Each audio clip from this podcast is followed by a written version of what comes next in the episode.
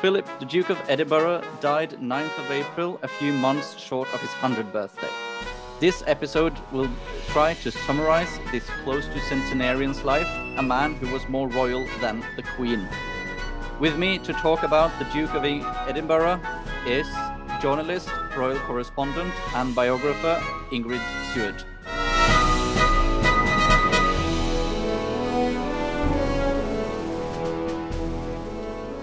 Welcome to our podcast, Ingrid. Thank you so much. That's very kind. Thank you so much for wanting to guest it. Um, it's a true delight to have you here. And you've um, written a book about the Duke of Edinburgh called Prince Philip Revealed, a Man of His Century. Where did you get the idea to write the book about His uh, Royal Highness? Well, I always wanted to write a book about him. Uh, but the publishers are quite reticent about publishing books about men, funnily enough, you know, about just men of the royal family. You know, because a lot of people didn't really know much about Prince Philip, which is why I wanted to do it. But I thought he was really interesting, and I'd written a book uh, called My Husband and I, which was about the Queen and Prince Philip's relationship and the similarities. And I really wanted to write this book called Two Steps Behind. Well, the publishers didn't like that name. So eventually we agreed on Prince Philip Revealed. And I hope that's what it did because there hasn't been that many biographies of Prince Philip when you consider A, how long he lived, and B, what he actually did during his life. So I thought he was a sort of slightly uncharted, uncharted source. Absolutely. Then, course, then, there was the problem of the fact that most of the people that, you know, they passed on. Um, but luckily, because I'd been editor of Majesty magazine for so long, I had already interviewed quite a lot of Prince Philip's friends, and I interviewed Edward. Um, so I had a collection of sort of what I would call archive interviews that I could use. Uh, so I, I, had the sort of backbone of the book, if you like. And I finished it earlier this week and I really enjoyed it. And it must have been a challenge to uh, make place for all the important aspects of his life in such a short book. It's only 350 pages long. It's nearly 100,000 words, I can tell you. Yeah. That... I, think they, they, I promise you, it's, it's to my mind, that's a big book. Uh, you know, most books are between 70 and 90, and this is over 100. So um, maybe it's just the way they printed it. That's probably. I think they could have. Put, I think that is it. You know, which is a bit misleading sometimes because you get these. I think that publishers don't want to reproduce these enormous sort of doorstep books anymore because what are people going to do with them? So I think that what they do is they use, well, obviously they use uh, different kind of paper, and you know I love books printed on that lovely sort of parchment paper, which is really thick and would be huge, but that doesn't really work anymore. So, um, uh, but to my mind, it was a very long book, and it took me quite a long time to do. But for me, as a as a man interested in royalty, it was a true page turner. Really, it was a very good piece of work. Well, that's very sweet of you. Thank you. I mean, as I'd met Prince Philip, you know, quite a few times, I wanted to put a lot of description about what I felt about him and and how amusing he was, and yet how, how you know, quite scary he could be because, um, you know, he was very cryptic. He was sort of, right, okay, yes, don't make any fuss, get on with it, sort of type. And that can be a little bit uh, disconcerting. And when I first met him, as I describe in the book, was in uh, Jordan. There was a, a, a, state visit by the Queen and Prince Philip to the Hashemite kingdom. And this is when, when uh, Queen Noor was married to King Hussein. And I, this was the first royal tour I'd ever done, the first royal thing I'd ever done. I'd never interviewed anyone or done anything. And I was there with all the sort of um, what I call the big boys of journalism, which is the foreign correspondents. And they were all so nice to me, and I knew nothing basically. Um, I didn't even have a tape recorder or a notebook. Um, so uh, one of the journalists lent, where, anyhow, as luck would have it, Majesty magazine had done a story about Queen Noor cleaning up the beaches of Aqaba, which is where their winter palace was.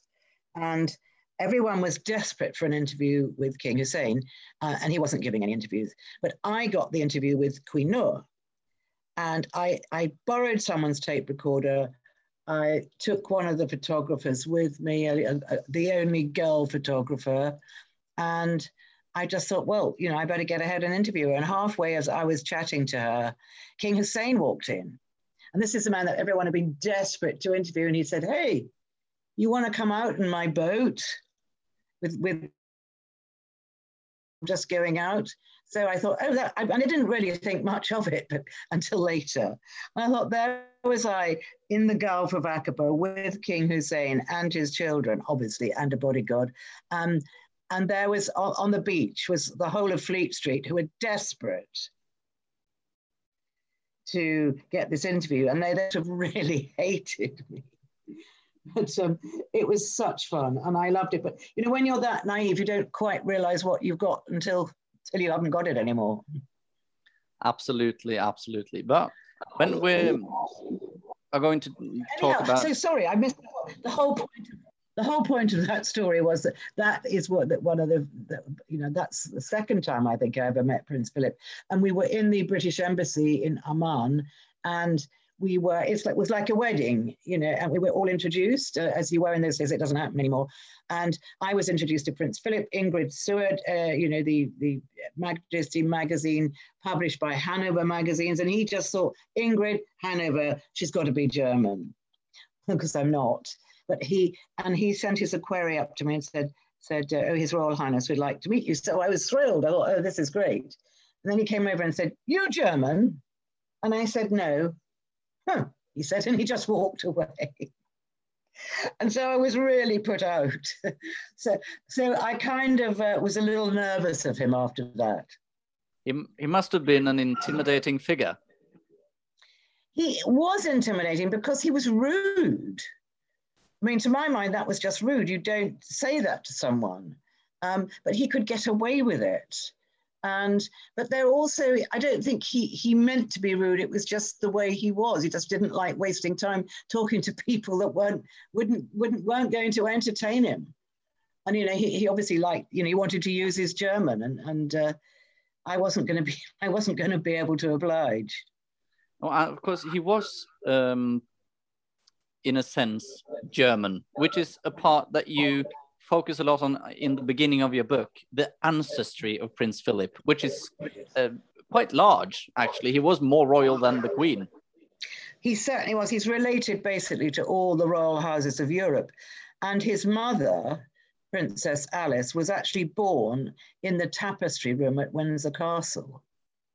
And uh, there was he, Prince Philip, for some reason, was being shown some rooms in William in in in uh, Windsor Castle. Maybe they redecorated them or something. And they were saying, "Oh, oh, sir, um, this is the you know this is the tapestry room." And he, you know, very condescendingly to Prince Philip. Prince Philip said, "Yes, I know. My mother was born here." So you can imagine how small this poor man felt. so anyhow, because his mother um, was uh, Queen Victoria's granddaughter's baby. So it was Queen Victoria's great granddaughter. Uh, Queen Victoria very much wanted her granddaughter to have the baby at Windsor Castle. And so she duly gave birth there. And that was Alice of Battenberg, which was Prince Philip's mummy, who was meant to be one of the most beautiful princesses in Europe at the time when there were a lot of princesses in Europe. Absolutely. And I've written down some of his um, kinships, um, if that's the right word. For example, he was the grandson of the first Greek king. He was the maternal grandson of the first Marquis of Milford Haven. He was a great great grandson of uh, Nicholas I of Russia. He was a great grandson of Christian IX of Denmark. Uh, and the queen is a great great granddaughter. He was a great great grandson of Queen Victoria through his mother, yeah, great, great. Uh, at the time of his birth, he was the great nephew of the Dowager Empress of Russia, the Dowager Queen of Great Britain, and third cousin to the Crown Princes of Norway and Denmark. And from 1923, the nephew of the Crown Princess of Sweden. Well, I'm glad you didn't ask me all that. it's really hard to remember. You have to write it down. Yeah, that's exactly what I've done.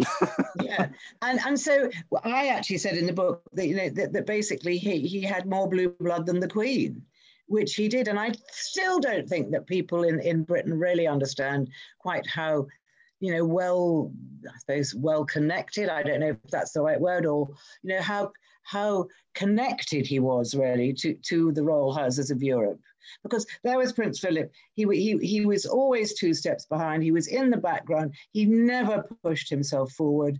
And he didn't have the sort of airs and graces you might expect of someone that had that kind of royal lineage. Um, he was, he appeared, you know, you could almost, you know, he'd almost melt into the background. So he was very contrary to what, you know, his, his sort of upbringing was in a way. Not upbringing but i suppose you could say breeding. It's not the right word but sounds a bit like a dog but it was um, but really it was uh, you know he he was extraordinarily well connected let's say. And we have to go back to the time of his birth to begin with because he was born um, at corfu in greece on the 10th of june uh, june 1921 which is right after the the First World War, three years after. Well, he was born in this villa called Mon Repos, where I've been. I mean, I'm sure a lot of people that go to Corfu go to this villa, which is gorgeous. But I mean, it's quite small by royal standards. And for some reason, the doctor that was attending his mother decided that she would be better off to have this baby on the dining room table than uh, in a conventional bed. She probably needed something for her back. I don't know what it was. No one's ever explained because no one knows. Um, but anyhow, so he he was actually born on the dining room table in a villa in Corfu, and he had four elder sisters, all of who doted on him, and a wonderful English nanny called Nanny Roose, and she ordered all the sort of England that you know English children had, and all the sort of food supplements and everything else. So he was quite pandered. And of course, he was the most gorgeous look, looking baby. I mean, the chubby little thing. And then, he, and he, then when he started to grow a little, he had this sort of white blonde hair, and he was just gorgeous. And everybody loved him, and so he was very spoiled. And there wasn't, you know, many, many biographers have written about his deprived childhood. Well, there was nothing deprived about Philip's childhood. I mean, they may not have had footmen behind every chair, and they, the people that worked for them might have had bare feet and sort of been more in the sort of old Greek style, but and they didn't have much money. But in those days, you didn't need much money to live quite a grand lifestyle. Um, and Philip wasn't deprived in, in the way that everybody has made him out to be ever since. And that is also something that the prince has made a point of himself that it wasn't as bad as everyone's tried to depict it. No, I just said, you know, that's the way it was, and that's, uh, uh, and I, I don't. He never noticed. Children don't notice. And but he was evacuated from Corfu at a very, very young age. He was still a baby, and uh, the his uh, family in England, we know, which was King George V, sent a battleship to rescue them because this was his cousin and he didn't want what had happened to his cousin cousins before the Romanovs. He didn't want this to happen again. So he did send a battleship to rescue them when they were in danger of being in trouble with their exile and Prince Philip's father you know could have gone in front of a firing squad so they got out of there really quickly in this battleship and they went to Italy then they went to Paris came to London to say hi to George V, you know, and all their grand relations. Um, and eventually they settled in Paris. And one of Prince, uh, Prince Philip's father's brothers, trying to make this as simple, Prince Philip's father, elder brother, married a very rich woman, and they owned a lot of property in Paris. And they gave Philip and his family Philip, I mean, uh, Philip's father and the family, uh, a, a, huge house on the outskirts of Paris, uh, and they paid for Philip's education. And all the girls lived there, and all the girls ended up marrying German aristocracy. Meanwhile, Philip's father, Andrea, was sort of led the life of, I suppose, of a Greek exile. They sort of hung around in the cafes talking about the old days. Um, a lot of his relations ended up sort of being taxi drivers and things, but Philip's father didn't didn't really want to do any work. So Philip's mother ran a charity shop, but they got by and they had this very, very happy family life. And um, later he had to move to Great Britain when his mother uh, became mentally ill and his father moved to Monaco. Yeah, what happened was Philip was schooled in Paris at, a, at an American school called the Elms, which was a fantastic education. And then his mother had suffered from kind of religious fervor and delusions. And his maternal grandmother, um, the Marchioness of Milford Haven, went into a sanatorium for a bit. So Philip's mother was shipped off to a sanatorium in Austria, I think. And his father thought, right, well, I've had this. I'm going to head for Monte Carlo. Um, it's not that he never saw Philip again. He just thought, I'm going to put him into the hands of one of my brothers and let him be educated in England. That's what I would like for him. And I am meanwhile going to just go down to Monaco and have a good time. And after him, and Philip loved his father. He loved his father, and they had great fun together. His father didn't desert him like everyone thought he had. He just they gave up the house in Paris, so Andrea went off to Monaco, and his wife was in the sanatorium. They weren't wasn't exactly probably very nice, but that's just the way the world worked then. And um, during his time in England as a, as a student, sort of, he uh, met um, the then royal couple, George VI and Queen Elizabeth, the Queen Mother, later, um, when he was at the Royal Naval College in Dartmouth. Dart, Dartmouth. Dartmouth. Dartmouth, that's correct. Well, when when when he was 18 years old, and he was training to uh, as an officer cadet to be in the Royal Navy. War was approaching. Philip was desperate to get in the Navy. There was a royal visit to Dartmouth College with the, with uh, the King and the Queen, and this was actually this was actually George Sixth uh, uh, and Queen Elizabeth, and uh, to say to just encapsulate the story, there was an outbreak of chickenpox in the college. There was one boy that wasn't involved, and that happened to be Prince Philip was very coincidentally lucky. He showed two little princesses, very, very young. Princess Elizabeth was only 13 uh, when they met. And, and they then invited Phillips back, back onto the royal yacht for tea. And then they invited him back for lunch the next day. And I think he thought, this is jolly good. They got great food. What fun. I mean, it was that simple. Um, and then what happened was little Elizabeth, who was very well brought up, was told by her her governess that you know you must write and thank the nice nice young man prince philip for showing you around. And because they were distant cousins it sort of became a friendship. And they, they exchanged letters and why shouldn't they? Um, and philip's uncle who was louis mountbatten saw a kind of potential uh, union here. He thought, well, this is Prince, young Princess Elizabeth is writing to um, my nephew, Prince Philip. Let's encourage this a little bit. Um, and over the next few years, uh, Louis Mountbatten encouraged it quite a lot, so much so that Philip ended up being invited to Windsor Castle. He ended up being invited to Balmoral. And uh, on one of those visits, uh, he proposed to Princess Elizabeth, and they got married two years later. And this was the married was the marriage was the 20th of November 1947, and none of Prince Philip's sisters were there. None of Prince Philip's sisters were there because it was right at the end of the war, and there was understandably a very very strong anti-German feeling in in in the UK. And uh, the and Prince Philip's sisters had all married German nobility, and even a couple of them, I think, had married uh, army officers that, that, that were involved in in you know Hitler's intimate sort of circle. So it was considered very very bad form, and it was just decided it would be much easier if they weren't invited. Now, Prince Philip was obviously hurt, but understood. The sisters didn't understand and were quite hurt. And they said, Well, we're not stormtroopers. What's wrong with us? Why can't we go to our brother's wedding? But anyhow, they couldn't and they didn't. And it was the first really big gathering of European royalty since the Second World War.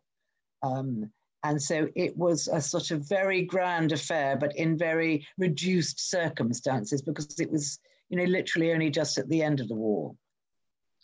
And uh, after that, the, the Princess Elizabeth and the Duke of Edinburgh lived at Malta for a few years until the death of King George VI.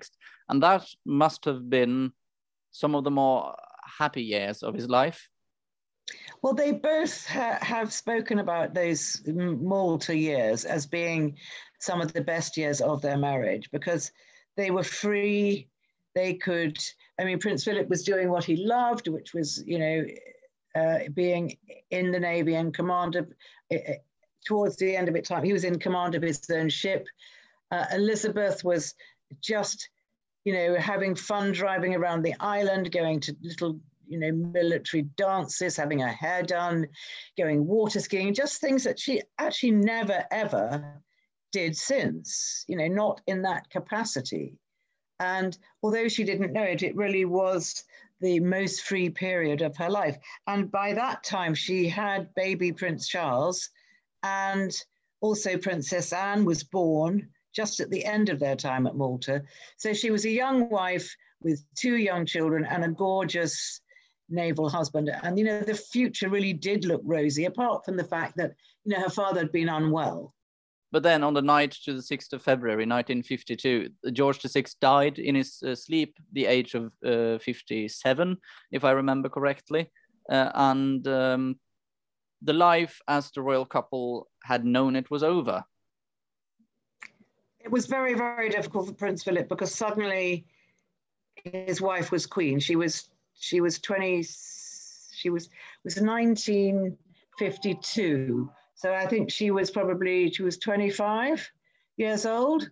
And suddenly the weight of the world was on her shoulders. And she hadn't actually expected her father to die. She thought he was getting better. So it did come as a shock. And for Prince Philip, it was a sort of multi shock. Um, they uh, had been, you know, they'd renovated their new home, Clarence House. They hadn't been living there that long. Everything was looking good. And then suddenly this happened. And as Prince Philip is quoted as, as often saying, you know, it changed our life as we knew it. And it, it seriously did. And he did not quite fit in at Buckingham Palace at first. No, they thought he was uh, bumptious. They thought he was pushy. They thought he would want to do things differently, which of course he did. And they were pretty unpleasant to him. Now, I'm talking about when I say they, I mean the household, the courtiers. They didn't trust him, they didn't like him, and they made it fairly obvious. And he had a tough time. And because he had a tough time, the queen was having a doubly tough time because she was trying to be queen. She'd had, you know, she hardly saw her two young children. She had an unhappy husband. And, you know, you know, it was all a bit of a shock. She still had her mother and her sister living living in the palace, and so it, it was a hard time for them all. And it, it's also quite understandable because, as uh, the TV series The Crown has portrayed, you uh, write it in your book that he was the only man in the whole of England whose children did not have his surname. The other thing that really bothered him, or the thing that really bothered him more than anything else, was that he was Philip Mountbatten, but uh, the royal name for the house, uh, for the royal house, was the House of Windsor. So they uh, they didn't want to call uh, the children uh, Mountbatten. Philip wanted to call his children Mountbatten, so, uh, uh, or, or, or, even in, indeed Mountbatten Windsor, which they later were. But at that moment in time, the Queen was very, very um, uh, labored with everything else she had to do, and she just did what her government said. And they said, We don't want the name Mountbatten, we want the name Windsor. So that's what it was. And he also was in the in a sense third in the hierarchy after the queen became the queen as his son prince charles became number two in line before prince philip himself became a prince. And that was in 1957 wasn't it? When he he was made made a prince of the realm yes. Yes. Uh, his mother-in-law to deal with who had been a queen you know, Queen Elizabeth, the Queen Mother, and he had his sister-in-law to deal with, who was pretty difficult. So, you know, life wasn't exactly easy for him, but he was very strong, and he decided what he had to do was make, you know, make a, a way for himself, and he had to find something serious to do. And what he started to do was he started to organize the following year's coronation. And then he realized that he, well, he knew anyway, he had this great organizing ability. So the Queen started giving him more and more responsibilities to be getting on with. And I think that's when his life really started to take shape, when he knew he could never go back to the Navy. Um, but he knew that his number one job was looking after the monarchy, and that really was his wife, because she embodied the monarchy. And that's what he spent the rest of his life doing was, you know, really taking care and overseeing the monarchy. And after he became the, the consort of the Queen, um, what do you think is the most important aspect to remember about His late Royal Highness uh, when looking back in a in an historical sense at his life? I think looking back at his life, the most important thing to remember is that he was it was the Queen first and he was second, always. And he was quite happy to take that position. Every photograph you see of them, uh, you see that he is the two steps behind. And this is, you know, Philip wanted it that way because it meant that he could get on with other things he wanted to do when he wasn't he wasn't actually with the queen helping her and that's his number one job was helping the queen his number two job was finding a role for himself, which he found in many, many different forms. And he was quite quiet about it. So that's why when he died, a lot of people didn't really know that much about him. But he had done amazing things for this country. Basically, he was the first member of the royal family to talk out about the danger that is facing the planet, the danger of conservation, the danger of climate change, the danger of the ozone layer. He passed all this on to his son, Prince Charles, who then in turn passed it on to William and Harry. So they have built up this, this big bank of, of royal personages that, that are trying to look out for the future of our planet, which is so important. And has um, have the prince been an important influence on the later generations of royalty? I think so. I mean, they all loved him because he was so outspoken and he said what he thought and he uh, just said, get on with it. He didn't like fuss. He, he just believed in getting on with the job. And I think he was fascinated by science. He always thought that although we were overpopulated, uh, the planet was overpopulated, that science would solve the problems of lack of food and lack of water, which, uh, which indeed it will do and is doing.